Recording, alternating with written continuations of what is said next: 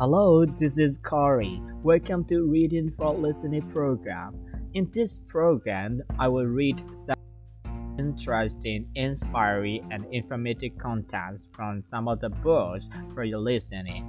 This is the first episode, and in this episode, I have chosen one content from the book Reading Explorer 2, published by National Geographic Learning.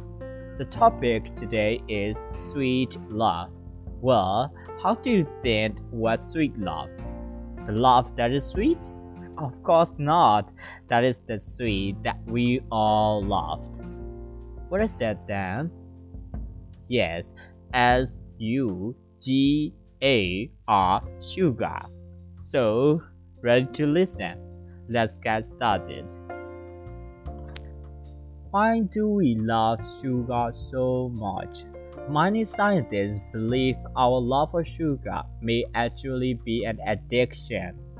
When we eat or drink sugary foods, the sugar enters our blood and affects parts of our brain that make us feel good. Then the good feeling goes away, leaving us wanting more. All tasty foods do this, but sugar has a particularly strong effect. In this way, it is in fact an addictive drug, what that doctors recommend we all cut down on. It seems like every time I study an illness and trace it path to the first cause, I find my way back to sugar, says scientist Richard Johnson. One third of adults worldwide have high blood pressure, and up to 347 million have diabetes why? Sugar, we believe, is one of the culprits, if not the major culprits, said Johnson. Our bodies are designed to survive on very little sugar.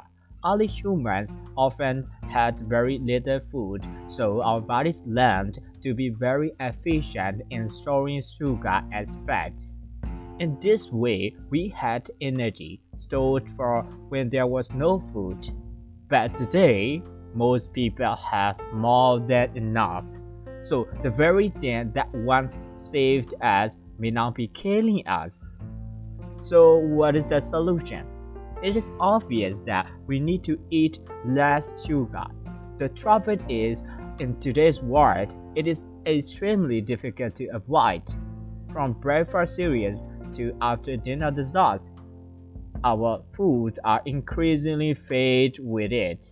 Some manufacturers even use sugar to replace taste in foods that are advertised as low in fat. But there are those who are fighting back against sugar. Many schools are replacing sugar desserts with healthier options like fruit.